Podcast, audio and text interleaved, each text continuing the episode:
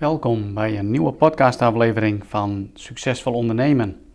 Ik ben William Meister. Um, vandaag aflevering 98 alweer. Eigenlijk moet ik zeggen, het zijn er 99 die op de lijst staan, maar op de een of andere manier heb ik er ooit één tussen gezet zonder, zonder een nummer uh, ervoor te plaatsen. Maar goed, ik hou het gewoon bij uh, 98. Vandaag een bijzondere aflevering omdat ik sinds lange tijd weer live voor een groep van ondernemers heb mogen staan op het Kubli Live uh, Event.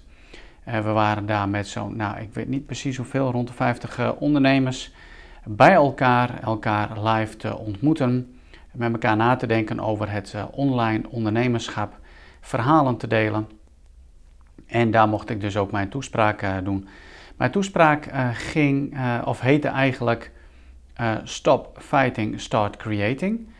En um, later kreeg ik daar best nog wel hele mooie feedback uh, over.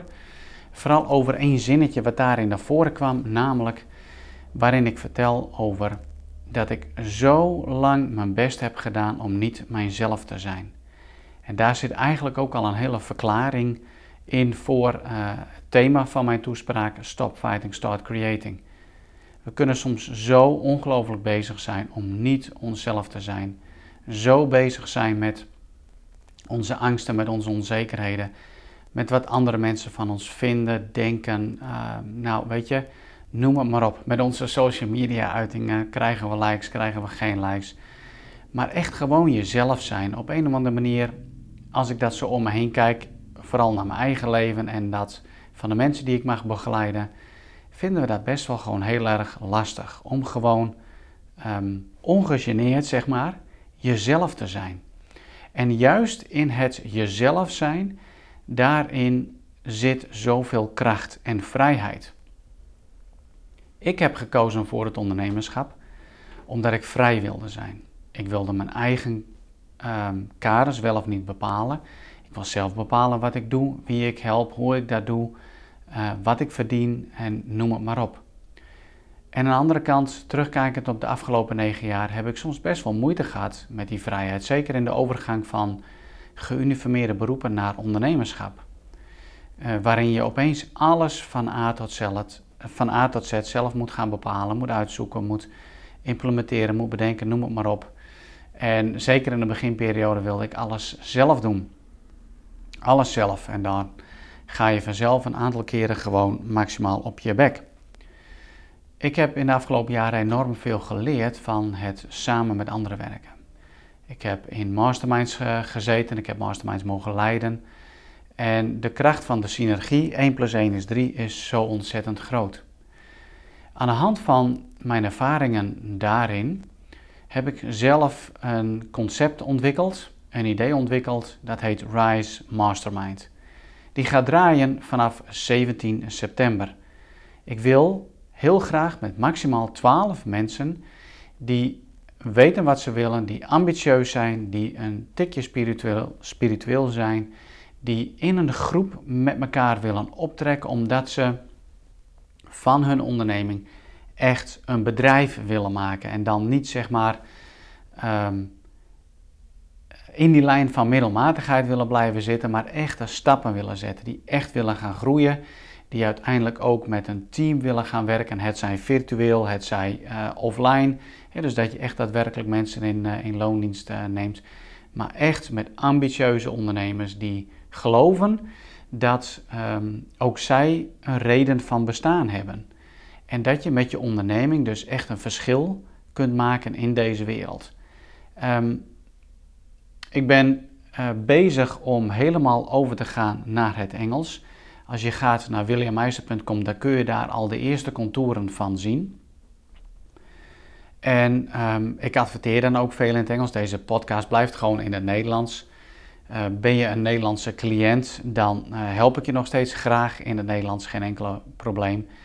Maar in mijn mastermind, die internationaal gaat zijn, um, zal de voertaal helemaal Engels uh, gaan zijn in een op één coachinggesprekken, en dat maakt deze mastermind zo uniek, dan praten we gewoon uh, Nederlands als jij uh, een Nederlander bent of Nederlands spreekt. Een mastermind, normaal gesproken, is zeg maar een groep die bij elkaar komt.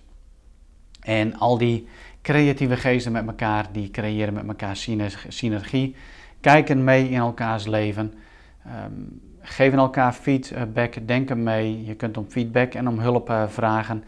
En zoals Napoleon Hill dat ook altijd wel zegt, het levert gewoon veel meer op. Het is een ontzettende belangrijke sleutel naar het succes waar jij naar verlangt.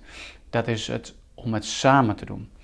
Nou, normaal gesproken kom je als groep bij elkaar, dan is er altijd wel een of andere regisseur aanwezig, zeg maar, die de meeting, zeg maar, regisseert en het onderlinge contact, zeg maar, bevordert. Dat zal ik dan ook zijn in de meetings die we hebben. Het hele bijzondere hieraan is, is dat naast de live meetings die we uh, hebben, uh, offline, uh, online meetings hebben op regelmatige basis, maar ook dat je persoonlijke mentoring en coaching krijgt van mij op regelmatige basis. En dat maakt dit zo'n ijzersterk product. Het is dus een combinatie van de mastermind, het is een combinatie van de coaching en mentoring. Dat bij elkaar maakt het een ijzersterk uh, product, al zeg ik het zelf. En ja, misschien ben jij wel diegene die zegt van, weet je wat, ik geloof dat ik inderdaad een, een droom heb gekregen, een missie heb ontvangen van een hogere macht, van God, van het universum, hoe jij dat ook maar bekijkt. En, ehm, en die missie is onderdeel, uh, is in ieder geval onderdeel van het grote plan om deze wereld beter te maken, een betere plek. En ehm, dus ja, ik zou je willen uitnodigen dat als jou dit aanspreekt en je wilt een jaar lang met een groep en met mij onderweg, echt gaan bouwen, echt gaan creëren, echt wilt gaan groeien op, ehm, op zowel het zakelijk vlak, maar ook op het spirituele vlak, dan wil ik je van harte uitnodigen om ehm, een afspraak met mij te maken. Je kunt mij een mail sturen, contact.williammeister.nl. Je kunt naar, um, je kunt naar mijn website gaan, williammeister.com. Daar zie je genoeg uh, buttons staan om uh, boeken Discovery Call met mij uh, in te plannen. Dan kom je op een BookMe pagina en krijg je van ze, kun je zelf een tijdstip uitzoeken en dan krijg je een Zoom-link uh, toegestuurd. En dan uh, gaan we gewoon praten, kennis maken en kijken of, um, of het wat is voor je. Ik um, heb geleerd in de afgelopen jaren dat, je, dat ik in ieder geval niet iedereen meer toelaat, zeg maar, voor um, bepaalde groepscoaching sessies, maar ook niet in het individuele coaching. Er moet echt gewoon een klik zijn Jij moet passen bij mij en ik bij jou, omdat we zo gezamenlijk de beste resultaten kunnen gaan halen. Um, ik, hoor, uh, ik hoor graag van je. Als je interesse hebt, stuur dan even een mailtje naar williammeister.com of ga af uh, naar williamcontact.williammeister.nl of ga naar williammeister.com. Dan nu um, naar de podcastaflevering. In het begin hoor je even nog een uh, aankondiging. En uh, daarna ga ik los. Het is in een grote zaal. Uh, mijn stem wordt versterkt door de microfoon. Het geluid is niet altijd even jippie ergens richting het einde wordt het wat onderbroken omdat ik dan vragen krijg uit het publiek. maar die vragen kan, die hoor je niet. maar ik geef dan wel een antwoord. Weet dan dat er dan een vraag is gekomen. En ik wens je veel inspiratie toe, veel luisterplezier. En vergeet vooral niet even... Um, het te delen met uh, mensen waarvan jij denkt, die hebben hier wat aan. Ga even naar de iTunes Store als je daar vanuit luistert en klik eventjes die sterretjes aan. En laat even een recensie achter. Een kleine moeite eh, voor jou en voor mij betekent dat gewoon heel veel. Tot een volgende keer. Dames en heren, hij staat op de trap, hij is klaar voor. Hij heeft al, al alle dingen opgeschreven die jullie wil gaan vertellen. Uh, William Meister is uh, ondernemingscoach of business mentor. En hij helpt jullie vandaag om de draken te verslaan die jullie ondernemersgeluk belemmeren. Maar dit willen we horen, hè? Geef hem een groot applaus. William Meister. Volgens mij uh, doet hij het. Ja, de drakendoder. Inderdaad, ik ben er ooit op gekomen om mezelf uh, de drakendoder en dromenjager uh, te noemen. En waarom ik mezelf drakendoder noem, dat zal in de loop van uh, mijn praatje wel duidelijk worden. Eventjes heel kort voor de mensen die mij niet kennen. William Meister dus, bijna 48 uh, jaar. dat zal volgende maand, precies over een maand zijn. ik ben geboren in het mooie Zuid-Afrika. Ik ben ook volgende maand alweer 28 jaar getrouwd. Ik was er heel jong bij. Vier prachtige mooie kinderen. En ik heb heel veel gedaan in mijn leven. Verschillende carrières gehad.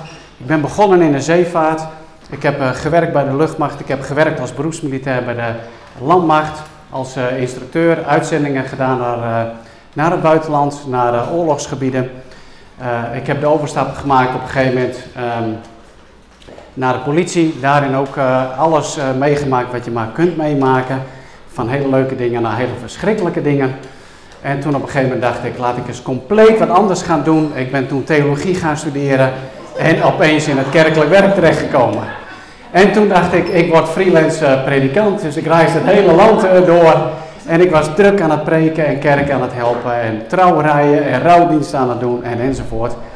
Maar langzamerhand werd voor mij een rode draad uh, in mijn leven duidelijk. En het was de rode draad, hé, hey, ik heb wat met mensen. Ik heb met mensen helpen, ze begeleiden, ze te inspireren en noem het maar op. Dus ik ben toen coachopleidingen gaan volgen. En op een gegeven moment dacht ik bij mezelf, weet je wat, het werkt niet zo goed meer, uh, William, bij een werkgever laat ik gewoon uh, voor mezelf gaan beginnen. Nou, en wat een reis is dat als je uit de geuniformeerde beroepen komt, waarin alles volgens procedures, afspraken en noem het allemaal maar, uh, nou, dat het zo geregeld is. Je krijgt maandelijks uh, je loon keurig netjes op tijd. En opeens stond ik daar, helemaal naakt in deze wereld. Ik ben ondernemer. Nou, daar zal ik straks nog wel even op terug kunnen komen. Ik mag me graag laten inspireren door uh, door, door schrijvers, door auteurs, door andere sprekers. En iemand die mij enorm veel inspireert, dat is Les Brown. Dat is een motivational speaker, ja, die moet je kennen. En als die begint te praten, dan begin ik al te lachen en dan denk ik van, yes, kom maar. En dat is zo geweldig. Doe jezelf een plezier en zoek deze man op op YouTube. Het is een van de meest uh, gequote motivational speakers ter wereld. En op een gegeven moment was er bij uh, een van zijn afleveringen, had hij het over van, uh, weten jullie wat de rijkste plek op aarde is? Waar vinden wij nou de rijkste plek uh, op aarde? Is dat ergens in Miami in een dure woonwijk? Is dat misschien wel in het Gooi of in een hele dure wijk in Maastricht? Of whatever.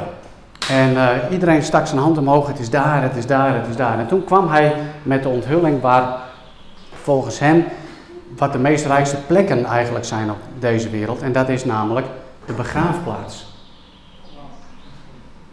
En waarom zegt hij nou van de meest rijkste plekken op aarde zijn de begraafplaats? Omdat hij ervan overtuigd is dat de meeste mensen sterven terwijl ze eigenlijk diep van binnen een verlangen hadden om iets te doen met hun leven, om van betekenis te zijn in deze wereld, of dat ze een droom hadden om na te jagen. En dit vervolgens dus niet deden. En zij met hun droom, met dat ene, met hun missie die zij zeg maar mochten gaan doen in deze wereld, uh, zijn ze dus begraven. En wie weet zijn daarmee enorme grote oplossingen voor grote wereldproblematieken die we hebben. Uh, ziekten, noem het allemaal maar op. En simpelweg omdat het leven soms op een bepaalde manier gaat. Het leven vormt je. Uh, je wordt beïnvloed vanaf het moment dat je geboren wordt in deze wereld. En dan kan het zo zijn dat je op een gegeven moment denkt van, ja maar wie ben ik nu eigenlijk om mijn idee, mijn droom uh, in deze wereld te brengen? Ik werd net al even blij toen ik daar zat en uh, links en rechts werd er wat geïnterviewd. En dan hoor je van wat een kennis en wat een expertise en wat een specialisme is hier. En je proeft de passie door uh, de woorden heen. En toen dacht ik van, Zoals wij hier zitten, zoals we hier allemaal zitten, als we al onze expertise bij elkaar zouden doen, dan zouden we toch een mega impact in deze wereld kunnen hebben, toch? Dan hebben we volgens mij alles wel aanwezig om echt een wezenlijk verschil in deze wereld voor elkaar te gaan krijgen. Maar laten we heel eerlijk zijn. Laten we heel eerlijk zijn. Hoeveel ideeën heb je wel niet gehad? Hoeveel dromen heb je wel niet gehad? Want we kunnen soms meerdere dromen hebben in ons leven, afhankelijk van de fase waar we in zitten. Hoeveel ideeën heb jij gehad en heb je gewoon eigenlijk weer in je broekzak gestopt? Of je hebt het weggeduwd. Ik ga het toch maar niet doen. Wie kent het werk van uh, Brené Brown en de kracht van uh, kwetsbaarheid? Allemaal? Wie vindt het ook goed, het werk? En dat we meer kwetsbaar mogen zijn? Oké, Ik hou je eraan, hè, dat je je hand omhoog hebt gestoken. Hoe vaak heb je dus wel niet een idee gehad en waar je niks mee hebt gedaan uit pure angst of dat je denkt van wat zullen anderen daar wel niet van vinden? Hoe vaak heb je een droom gehad en dat je daar toch uiteindelijk niks mee hebt gedaan? Kijk, en dat is voor mij een wezenlijke uh, motivator in het leven. Dat klinkt misschien wel gek, maar ik hoop dat ik heel erg oud mag worden. En dat ik uiteindelijk, zeg maar, omgeven met mijn kinderen en ik hoop kleinkinderen dan uh, deze wereld mag verlaten en doorgaan naar, naar het volgende. En dat ik iets van een nalatenschap achter heb kunnen laten in de zin van dat ik heb kunnen laten zien met mijn leven van dat alles mogelijk is. Maar ik geloof namelijk dat wij allemaal als mens hebben een droom gekregen. En noem dat, noem dat een droom krijgen van God of van het universum of van de oneindige intelligentie, waar Napoleon Hill het over heeft. Ik denk uiteindelijk komt het toch wel op hetzelfde neer. Maar wij hebben dromen gekregen waar wij zelf in eerste instantie ons geluk in kunnen vinden. Dat over, wat in overeenstemming is met onze kwaliteiten, met de gaven die we hebben gekregen, waarmee wij vervolgens van betekenis kunnen zijn in deze wereld. En ik geloof als wij allemaal de moed zouden krijgen om deze droom te ontdekken, en misschien weet je hem wel, maar vermijd je hem gewoon, omdat het veel te eng is om die droom uh, te gaan najagen, dan ben ik ervan overtuigd, als we het allemaal zouden gaan doen, dat deze wereld er compleet anders uit zou zien. Dan zouden wij namelijk doen wat we moeten doen. Dan leven we in overeenstemming met onze zielsmissie, zoals ik dat noem. En dat is mijn grote missie in het leven, om vooral ondernemers te helpen deze zielsmissie te ontdekken, te omarmen en dan vervolgens te gaan implementeren in je leven. En nog sterker, om ermee je bedrijf te maken. Want dat is wat ik geloof, juist in het ondernemerschap. Als je van je zielsmissie ook je onderneming maakt, dan is het echt daadwerkelijk zo dat je niet meer een dag hoeft te werken. Maar dat je vanuit een hele andere fundament en energiebron, als het ware het leven, maar ook het ondernemerschap uh, tegemoet gaat. En dan zul je ook de moed gaan ontdekken en de moed gaan vinden om datgene te doen wat jij uh, zou moeten doen. En ik geloof dat uh, zeg maar het universum al die ideeën zeg maar, over ons heen uitspreidt. En het is als ware dat die ideeën en dromen zeg maar, de wereld overspeuren op zoek naar een ingang van, hé, hey, waar pas ik eigenlijk? En als jij dan de deurtje open doet en je omarmt jouw dromen, jouw verlangen van hoe jij van betekenis wilt zijn in deze wereld, dan, dan, begint, uh, dan begint het echte werk, dan begint de reis. Maar helaas blijven heel veel deuren gesloten. En als heel veel deuren gesloten blijft, het zal toch moeten gebeuren. Dus al die dromen, al die uh, zielsmissies die over deze aarde worden uitgestort, om het maar even zo te zeggen, die moeten toch ingang vinden, omdat er een hoger doel is met deze wereld. Er is een hoger doel en plan met ons leven. Tenminste, zo geloof ik dat. En misschien ken je, heb je ooit die film gezien Eat, Pray and Love. Het is een, uh, gebaseerd op uh, de roman van uh, Elizabeth Gilbert.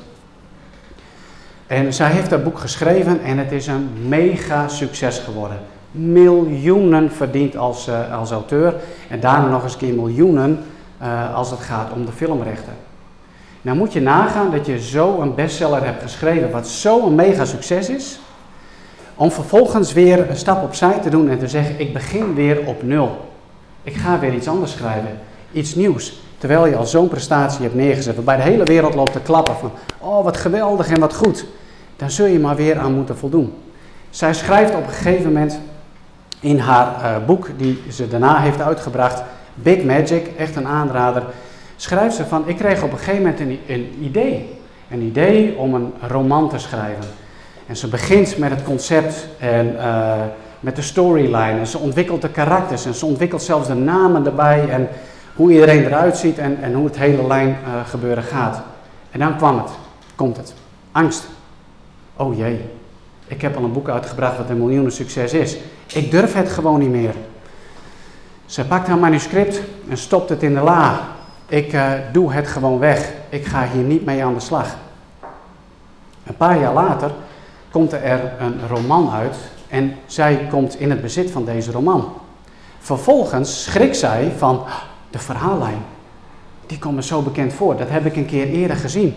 Sterker nog, de namen kwamen overeen met het concept wat zij had opgeschreven in Allah. Zou die dan gestolen zijn? Zou die dan gejat zijn of wat dan ook maar? Het antwoord die ze zelf moest geven was nee. Het waren ideeën, het waren dromen die tot haar gekomen waren, die zij mocht opschrijven omdat het paste bij wie zij was. Maar omdat zij hem wel schreef, maar vervolgens in de la deed, ging de droom als het ware door naar de ander. Op zoek naar de open deurtje om vervolgens toch gemanifesteerd te kunnen worden in deze wereld. Dat was voor haar wel een hele shocking event. Maar het heeft haar enorm veel geleerd van, laat ik nu datgene wat hier binnen leeft, dat wat mijn hart tegen mij zegt, nou eens even heel serieus nemen. En dat is ook mijn oproep aan jullie, om dat gewoon heel serieus te nemen. Want iedere keer weer, als je het namelijk niet doet, dan is het alsof je een stukje van jezelf uh, weggeeft. Of laat ik het zo zeggen, dan is het alsof er een stukje van je hart sterft. En iedere keer weer, als jij wel van binnen voelt, ja, maar dat is de kant die ik op moet gaan, dit is de richting die ik op moet, dit is mijn doelgroep, maar ik durf nog niet te kiezen, maar je stopt het weer weg, of dit is het boek wat ik moet schrijven, maar je pakt het maar niet op. Dan gaat of die droom, die wordt bij je vandaan gehaald, er wordt gegeven aan een ander, maar dan gaat er iets kapot, hier iets van binnen. En dat is wat ik heb gemerkt als ik kijk naar ehm, de afgelopen negen jaar dat ik nu aan het ondernemen ben. Ik vind het, als ik zo terugkijk, vind ik het het meest verschrikkelijkste gevoel wat er is. Om bezig te zijn, om te leven, om te ondernemen en toch dat gevoel te hebben van binnen, er zit toch meer in. Ik heb het gevoel dat ik die pijl ben in een boog, maar die niet losgelaten wordt. Ik heb het gevoel dat ik die uh, atleet ben die in de startblokken staat, maar er maar niet uitkomt. Dat je het gevoel hebt dat er een hoger plan is of een hoger doel is met jouw leven. Dat er mensen zijn die op jou wachten, waar jij echt iets voor kunt betekenen, waar jij van waarde voor kunt zijn. Maar je hebt het weggestopt. En dan ontstaat er wat ik in het Engels noem misalignment. Je leeft niet meer in overeenstemming met je hart, met je zielsmissie. En dat levert gevoelens op van frustratie, misschien wel of depressie. De dingen die je doet, ja, weet je, die gaan op zich wel goed. Die zitten in je zone of excellence, maar niet helemaal in je zone of genius. En er gaat zoveel verloren. Zoveel blijdschap wat je jezelf eigenlijk ook niet, uh, niet gunt. Ik omschrijf het gevoel, toen ik met de voorbereidingen bezig was, dacht ik van waar komt dat gevoel nou mee overeen? En ik dacht terug aan uh, mijn, mijn jeugdliefde. Uh, echt uh, ja, puberteit, liefde op de MAVO zat ik. Had ik twee jaar een relatie met een meisje. Maar voor mij was dat helemaal, zij was het, zeg maar, de ware toen. En zij maakte het op een gegeven moment uit. En ik had echt last van liefdesverdriet. Ik heb twee jaar lang gewoon liefdesverdriet gehad. En dat, dat gevoel van dat er iets van binnen uh, gebroken is, of dat er pijn is, zo voelde dat ook in de afgelopen negen jaar toen ik bezig was om mijn richting te, te bepalen. En dat ik eigenlijk wel wist, die kant moet ik op, maar ik durfde niet. Want uh, A zegt dit en B zegt dat. En als ik wel die kant op ga, wat gaan ze wel niet van mij zeggen? En ik koos ervoor om daar uh, vervolgens naar te luisteren. Dus je leeft niet in alignment met je hart. Het treedt frustratie op. De stem die van binnen jou iedere keer probeert wakker te maken en te roepen van, zou je niet dit moeten doen? Zou je niet moeten gaan staan en dit te gaan ondernemen? En misschien speelt dat nu op dit moment ook wel helemaal voor jou. En weet je precies, als ik het daarover heb, wat het in jouw leven is, wat nu aandacht mag krijgen. Welke droom het is die diep in jouw hart leeft en maar roept en maar roept, maar jij iedere keer maar weer wegstopt. En die stem die zal steeds zachter worden en zachter worden. Tot het misschien wel een keer te laat is. Want je weet het maar nooit hoe het allemaal gaat.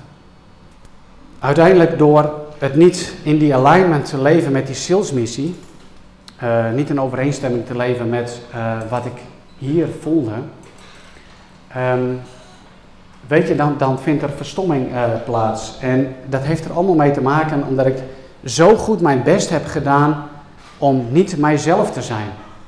En ik denk dat wij als mensen, als geen ander, experts zijn in het niet onszelf zijn. Ook jullie. Dan scheer ik je allemaal even onder één kam. En misschien is er wel een uitzondering. Maar we zijn zo goed in niet het onszelf zijn. Ik kan me nog zo goed herinneren. Ik, ja, weet je, ik ben in een gezin geboren. Een heel bijzonder gezin. Een paar keer op en neer verhuisd tussen Zuid-Afrika en, uh, en, Nederland. Een moeder met een hele ehm, nou traumatische verleden wat ze meenam in het gezin. Een vader die zeeman was en die ik één keer in het jaar even kort zag. Maar dan was hij weer zes tot acht maanden weg. En dat ik al in het gezin ontdekte van, hey, als ik mij op een bepaalde manier gedraag, dan krijg ik een beloning. Of als ik me op een bepaalde manier gedraag, dan krijg ik straf. Dus dat merkte ik al van, hey, ik moet ergens in gaan bewegen om toch gezien te blijven worden. Ook in de omstandigheden waarin we leefden. En ik merkte op een gegeven moment, ook bij het ouder worden en naar het, uh, naar het voortgezet onderwijs gaan, dat die wereld daar eigenlijk precies zo is. Ik was niet een van de populairen van de klas. Er was altijd zo'n groepje, die waren dan populair. En uh, die kregen dan alle aandacht. En ik blonk ook niet uit in het leren. Ik snapte eigenlijk helemaal niks van het leren. Ik zag de docenten wel voor de klas staan. Ik ging altijd maar langs me heen. Uh, dus daar kon ik het ook niet mee, mee, mee, gaan doen. Maar ik ontdekte wel zeg maar, dat als ik de clown ging uithangen, of dat ik hele gevaarlijke dingen ging doen, of datgene ging zeggen wat de rest niet durfde in de klas, dan was ik opeens het heertje. Dan werd ik opeens gezien en dan kreeg ik erkenning en, en noem het maar op. En dan voelde ik mij gezien. Maar wat ik niet deed toen, was gewoon gaan staan en gewoon William zijn. Met al zijn onvolkomenheden, met al zijn kwaliteiten en noem het maar op. Ik was bezig iedere keer weer een ander persoon neer te zetten. Een persoon neer te zetten waarvan ik dacht, die zal wel geaccepteerd worden. Als ik dat ga doen, dan krijg ik wel de complimenten. En ik nam dat mee in mijn, volwassen leven. En ik merkte dat de wereld van de, de uniformen, defensie, uh, precies zo werkte. Ik hoefde eigenlijk alleen maar te presteren. Ik hoefde maar te zorgen dat ik het snelste kon lopen, dat ik het beste kon schieten, dat ik heel snel over een hindernisbaan kwam. En dat als er hele gevaarlijke dingen waren op missie, dat ik gewoon vooral mijn angst zo ver mogelijk moest uh, wegstoppen en altijd maar stoer uh, moest doen. Dan werd ik gezien en dan was ik er. En het heeft mij enorm makkelijk gemaakt, omdat ik dan ook nog eens een uniform had. En dat, dat hielp dan als het ware om een soort van uh, nou ja, schild, zeg maar, die, die je aandoet. Het hielp mij in die transformatie naar degene die ik eigenlijk helemaal niet was. En ik kwam steeds verder van mijzelf af te staan. En steeds meer en meer voelde ik mijn hart huilen. S'avonds dat ik soms wel eens onder het douche stond ergens en dan alleen maar kon huilen omdat ik zo voelde dat ik niet in overeenstemming leefde met wie ik eigenlijk was. En ik was zo aan het hunkeren en ik was zo aan het verlangen naar gewoon William te willen zijn. Maar om heel eerlijk te zijn, ik wist niet eens wie ik, eh, wie ik was. Ik kwam erachter tijdens mijn eerste, mijn eerste coachopleiding, werd ik met die basisvragen zeg maar uh, uh, geconfronteerd. Moest ik ook even aan denken toen uh, Denise is, toch? Toen jij je verhaaltje net even deed. Ik was niet in staat om de volgende vragen gewoon goed te beantwoorden. De simpele vraag, wie ben ik? ik, het was alsof ik een klap in mijn gezicht kreeg van, ik kan niet deze vraag beantwoorden. Ben je een volwassen man? Je hebt een gezin, je hebt de wereld gezien, de meest gekke dingen gedaan en meegemaakt, wat je maar kunt bedenken. Maar ik kon niet bedenken wie ik was. Wat dacht je dan van de volgende vraag? Wat wil ik nu eigenlijk? Ja, wat wil ik nu eigenlijk? Als ik die vragen wil gaan beantwoorden, moet ik mezelf dus gewoon kennen. Maar als ik mijn hele leven lang mezelf naar de achtergrond heb geduwd en iedere keer maar een plaatje heb laten zien, ja, dan ga je bijna geloven dat jij dat plaatje echt bent. Een andere vraag die erbij kwam, die mijn hele wereld op mijn kop zette. Waartoe ben ik? Waartoe ben ik? Zijn die gewoon maar per toeval? Is mijn leven maar gewoon leeg? Of is er een bepaalde doel en missie? Ik koos ervoor om dat te gaan geloven. En ik werd enorm geïnspireerd door een uh, quote die ik ooit tegenkwam van Walter Disney. Namelijk, all our dreams can come true if we have the courage to pursue them. En dat was voor mij het teken van het universum om te zeggen, ik ga mijn bedrijf starten en ik noem het Pursue. Omdat ik echt geloof dat dromen werkelijkheid kunnen worden. Maar dat je, zoals Walter Disney dat omschrijft, ook daadwerkelijk de moed nodig hebt om voor jouw droom te kiezen. Om uiteindelijk te gaan staan en dat te omarmen. Maar wat dacht je van de moed die je nodig hebt om die vragen te beantwoorden, om van jezelf te gaan leren houden?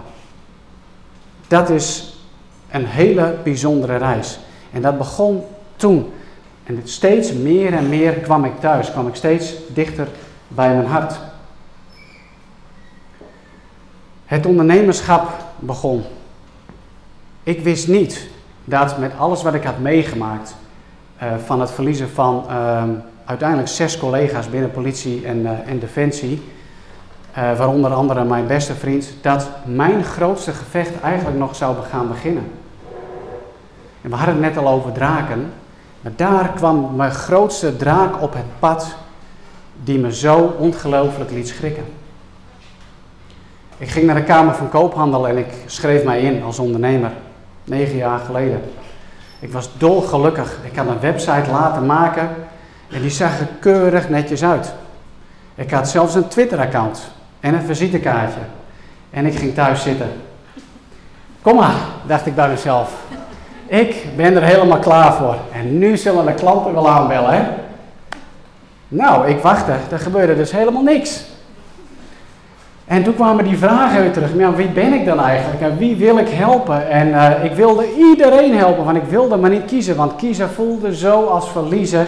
En er zat misschien een kans in dat ik helemaal voor het verkeerde zou gaan. Nou, dat was me toch een, uh, een enorme reis. Maar de redding was nabij. Ik keek terug naar mijn kindertijd. Ik keek terug naar mijn pubertijd. En wat had ik daar nu geleerd? Om een bepaald plaatje neer te zetten. En sterker nog, ik ging allemaal mede-reisgenoten vinden die ook heel erg goed waren in het neerzetten van het toneelstuk. Want ik ging naar netwerkevents, naar borrels enzovoort. En dan ging ik met mensen praten en ze gaven me een kaartje enzovoort. En als ik dan vroeg, hoe gaat het? Het gaat goed. Het gaat goed, het gaat geweldig. En iedereen liep er hartstikke trots rond in zijn beste kleren. Super enthousiast. En nergens vond ik iemand die zei, Oeh, nou dit valt me zo tegen, dat had ik niet verwacht. Het gaat eigenlijk helemaal niet goed. Er is geen klant die aanbelt. Die kwam ik nooit tegen. Dus wat ging ik doen in al mijn onzekerheid? Denken van, oh, zal wel iets met mij aan de hand zijn dan? Ik zal het wel gruwelijk verkeerd doen. Ik ben dus niet geboren om een ondernemer te zijn. Want ik heb helemaal geen klanten. Wel een mooie website, maar geen klanten. Dus ik denk, hey, dan ga ik ook maar meedoen in het hele plaatje. Dus overal waar ik kwam, het ging hartstikke goed uh, met mij netjes aankleden enzovoort. En niemand die ooit wat in de gaten had, terwijl ik van binnen nog steeds aan het huilen was van, oh jee, waar ben ik aan begonnen? En het werd enorm versterkt op een gegeven moment toen uh, mijn mobiel ging en ik mijn mobiel pakte en ik zag dat mijn vrouw mij belde. En die stond in uh, een supermarkt ergens en die wilde de boodschappen afrekenen, maar ze kon niet betalen. Klets, recht in mijn gezicht. Daar ging ik. Schaamte, het gevoel van schaarste, van waar ben ik allemaal aan begonnen. En jongen, jongen, als ik dan ook weer aan terugdenk aan die, uh, aan die periode. En weet je, het, is, het zijn ook perioden die je gewoon nodig hebt om, zeg maar, om jezelf te ontdekken en jezelf te vinden. Uh, het is onderdeel uh, van de reis. Dus ik merkte dat ook, ondanks het feit dat ik toch wel ergens het gevoel had voor het ondernemerschap geroepen te zijn, had ik toch wel in de gaten dat er een stukje misalignment was. En want ik voelde diezelfde verdriet weer die mij zo bekend was als ik niet deed wat mijn hart uh, mij ingaf. En dat was namelijk ook in die beginperiode ontstaan toen ik begon met ondernemen. Ik was vol trots mijn plannen aan het vertellen aan een bepaalde persoon aan, bij wie ik echt opkeek. Dit was echt een persoon die was al zoveel jaar aan het ondernemen. Hij had succes en we praten er samen over. En ik dacht van nou, hij zal het wel weten. Dus ik was druk mijn originele plan aan het vertellen, negen jaar geleden. Van, oh joh, ik heb een droom van binnen dat ik iets met ondernemers moet gaan doen. Dat ik ondernemers kan helpen uh, uh, in het ontdekken van hun droom. Want ik was immers zo geïnspireerd door die quote van Walter Disney. En we liepen, ik weet nog, we waren op weg naar de patatzak en hij zegt van William, nee, dat kan echt niet. Kan echt niet. Jij kunt geen ondernemers gaan helpen. Ja, maar waarom niet dan? Nee, dat kan alleen maar als je zelf eerst heel erg succesvol bent. Je moet eerst een heel groot bedrijf opbouwen. En als jij heel veel geld hebt verdiend en je bedrijf is gewoon helemaal groot, dan pas kun jij andere ondernemers gaan helpen. Dan pas zou je jezelf kunnen gaan verkopen als coach voor ondernemers. En eerder niet. Daar ging mijn droom. Daar kwam dat gevoel weer van uh, shit. En ik besloot te luisteren naar het advies van deze man. Dus ik pakte mijn droom, vouwde hem op en ik deed hem weer in mijn broekzak. En daar kwam dat verdriet weer. Die misalignment die zo aanwezig was uh, in mijn leven. En ik heb echt alles geprobeerd, ook qua niches. Maar ik kwam op een gegeven moment tegen dat je moet een niche hebben, want dat is ook heel erg uh, goed. Dus ik kwam, uh, oh, ik ben coach voor jongeren. Ik heb op een gegeven moment eh, eh, mezelf neergezet als een midlife coach. Was, er, was u dat toch? Ja. Voor een midlife coach. Ik denk, nou, daar ben ik echt wel de expert in. En toen was het dit en toen was het dat. En, en noem het maar op. Maar alles wat ik ondernam, het lukte niet. En logisch toch dat het niet lukt. Want als jij niet in overeenstemming leeft met wat hier leeft, met jouw zielsmissie, weet je, dan zou je misschien wel wat van succes kunnen krijgen. Maar dan nog, je zult geen geluk ervaren. Echt waar niet. Op een gegeven moment begint het toch wonderbaarlijk begint er iets te lopen. En uh, kom ik ook bij een uh, grote organisatie terecht, uh, Jumbo, waar ik Sylvia dan van ken. En daar ook van alles in, in meegemaakt en in gedaan. En ik vond het hartstikke leuk en dat ging me eigenlijk heel erg goed af. En ik werd leiderschapsontwikkelaar en ik werd change coach, change manager binnen het logistieke gebeuren. De meest mooie trajecten ooit. En ik was hard aan het werk. Jongens, jongens, wat had ik een, een drukte van je welste. Het was al in het begin een hele drukte met de overname van C1000, waarin ik in het nazorgteam zat. En ergens voelde ik me ook iedere keer wel weer gestreeld in mijn ego dat ik gevraagd werd voor dit en voor dat. En ik was er nog maar net bij en dan mocht ik dit gaan doen en noem het maar op. Dus op een gegeven moment had ik ook een van mijn dromen, had ik dan uh, waargemaakt, dat ik dus, uh, dat zie je dus ook wel, de ton is een of ander magisch getal. Dat was ook voor mij een magisch getal. En op een gegeven moment verdien je dan meer dan een ton, alleen had ik er helemaal geen tijd om van te genieten. En op een gegeven moment zat ik, te kijken naar mijn bankrekening en naar mijn balans aan het einde van het jaar. Goh, ik heb eindelijk een keer dat geld wat ik, wat ik wilde. Maar waarom voel ik mij dan niet blij? Wat is er aan de hand? Nou, ik wist het wel, ik was gewoon veel te druk. En ik liep niet meer in overeenstemming met uh, mijn soul's mission. Dus ik moest echt stappen gaan ondernemen om dat weer anders te krijgen. Langzamerhand steeds meer en meer naar mijn hart uh, te gaan bewegen.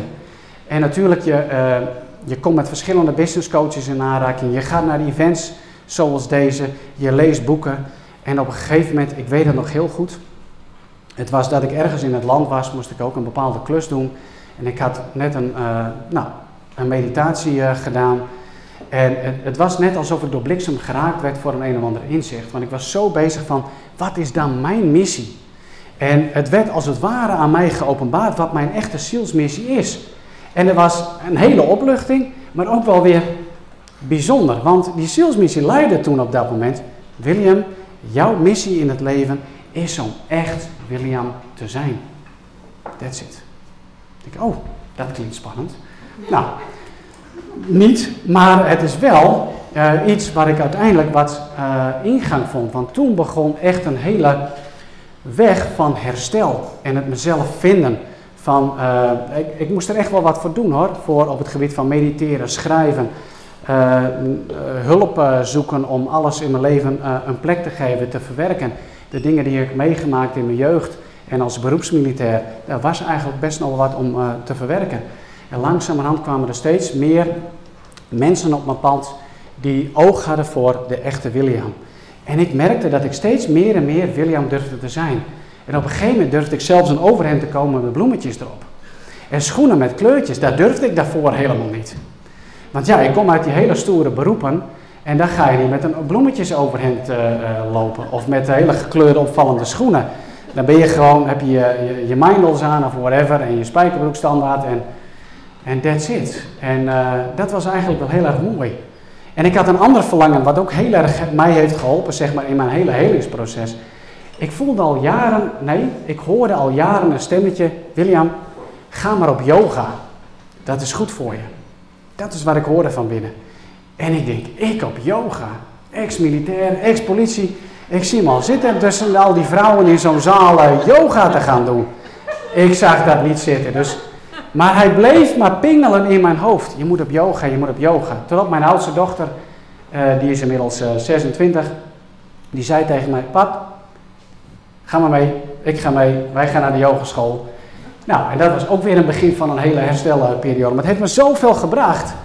Uh, om mezelf weer te ontdekken. Dat klinkt misschien gek, maar wat ik je daarmee uh, wil zeggen en waar ik je mee wil inspireren is, ik ben er heilig van overtuigd dat jullie op dit moment, dat jij op dit moment dat stemmetje ook hoort van binnen. Van ga maar een beetje naar links of ga maar een beetje naar rechts. of die doelgroep die iedere keer voorbij komt waar jij voor wilt kiezen, dat je dat maar eens een keer maar moet gaan doen. Of dat zeg maar uh, de roep om online te gaan, wat misschien al jarenlang uh, uh, op je lijstje staat, dat misschien nu vandaag wel het moment is om daarvoor te kiezen. Ik had hem al jarenlang op mijn lijstje staan, online gaan. En ik deed wel wat online qua trajecten, maar nog steeds face-to-face. Maar ik had nog niks geautomatiseerd of wat dan ook maar. Totdat ik in aanraking kwam met uh, Corine, die opeens in mijn Facebook tijdslijn voorbij kwam. Ik dacht, oh, even gaan kijken. En vervolgens uh, zit je er een hele jaar vast. en daar ben ik heel dankbaar voor hoor. Heel dankbaar voor, want zij heeft me wel geholpen zeg maar, om ook weer te luisteren naar die interne stemmetje wat ik hoor. En om ook mijn internationale ambities zeg maar, te gaan najagen. Omdat ik echt het gevoel heb dat ja, dat, dat ook onderdeel is van mijn, van mijn zielsmissie. Oh, ik zie dat ik een aantal dingen lekker door elkaar heb gehaald, maar dat geeft helemaal niks. Dus daar sta ik dan en dan ben je negen jaar verder en heb je een hele reis doorgemaakt. En ik zou het eigenlijk heel erg leuk vinden om nog wat reacties of vragen vanuit de zaal te horen. Of dat je misschien zelf nog ergens mee zit waarmee je worstelt. Wie wil er reageren? Hier werd een vraag en een opmerking gemaakt als het gaat over, hey, als jij niet schijnt, William, en je hebt niet altijd volop uh, geschenen, heb je dan niet anderen wat onthouden? Dus door niet te schijnen, kunnen anderen die jou nodig hebben, je dus ook niet vinden. Daar ging de vraag en opmerking over en daar haakte ik verder op aan. Ja, goh. Nou, je helpt me ook weer een beetje om weer terug te komen wat, wat ik dus in mijn al mijn enthousiasme heb overgeslagen. Ik vind dat wel een hele mooie, uh, inderdaad. Dat is eigenlijk ook iets wat uh, ooit mijn ogen heeft geopend van... Er zijn mensen die op mij zitten te wachten dat ik in hun leven mag komen, in hun onderneming mag komen, om ze te helpen om hun zielsmissie te ontdekken. En zo geldt het eigenlijk voor ons, um, zo geldt het voor ons allemaal. Maar wat ik heel erg lastig vond, en hoe mijn leven er eigenlijk uitzag, en dat is heel erg versterkt in die uniformberoepen, ik was constant bezig om de waarde voor mezelf te halen uit mijn buitenwereld. En ik ontdekte dat dat heel erg makkelijk is om te doen, namelijk de waarde uit, je uit de buitenwereld halen. Je hoeft maar te presteren of ergens in te excelleren of whatever. Uh, kijk maar naar een, een, een, artiest die plotseling doorbreekt en een hele grote markt uh, bedient en uiteindelijk uh, kapot gaat omdat hij daar niet mee om kan gaan, omdat het niet komt vanuit de waarde die je aan jezelf kunt toekennen. Kijk, er zijn klanten, er zijn mensen die op jou, die op ons, zoals we hier zijn, allemaal zitten te wachten. Alleen er is een één belangrijke voorwaarde voor nodig om dat met succes en met geluk te gaan doen. Namelijk dat je jezelf die waarde eerst geeft. Want als jij gaat wachten van ik ga het uh, af laten hangen van een klant, of van een prospect, of van iemand anders in mijn omgeving, dan gaat het er niet lukken. Dan stel je jezelf op de verkeerde manier echt helemaal kwetsbaar op. Dus op het moment dat uh, ik leerde om van mezelf te leren houden, en waar leer je dat nou? Leer je niet op school, tenminste niet op de basisschool, voortgezet onderwijs. Dat je van jezelf leert houden, dat je je eigen waarde toekent aan jezelf, dan ontstaat er namelijk iets heel iets moois, dan word je vrij. En in die vrijheid kun je de wereld tegemoet treden en kun je vanuit je onderneming je waarde uh, leveren. En al die mensen die dus zitten te wachten, die ik dus ook heel veel heb onthouden, die kan ik dan gaan dienen. Ja, en dat was hem dan. Uh, er volgen nog een uh, enkele vraag. Uh, die vond ik niet zo heel erg relevant voor deze aflevering. En ook vanwege de lengte heb ik besloten om hem hier te stoppen. Ik dank je voor het luisteren. En heb jij een idee? Of ben jij een ondernemer met een heel mooi verhaal, bijzonder verhaal of een mooie missie? Schroom niet om mij te benaderen voor een podcast interview. Het lijkt me heel erg leuk om van jou te horen. Hey, bedankt voor het luisteren en tot een volgende keer.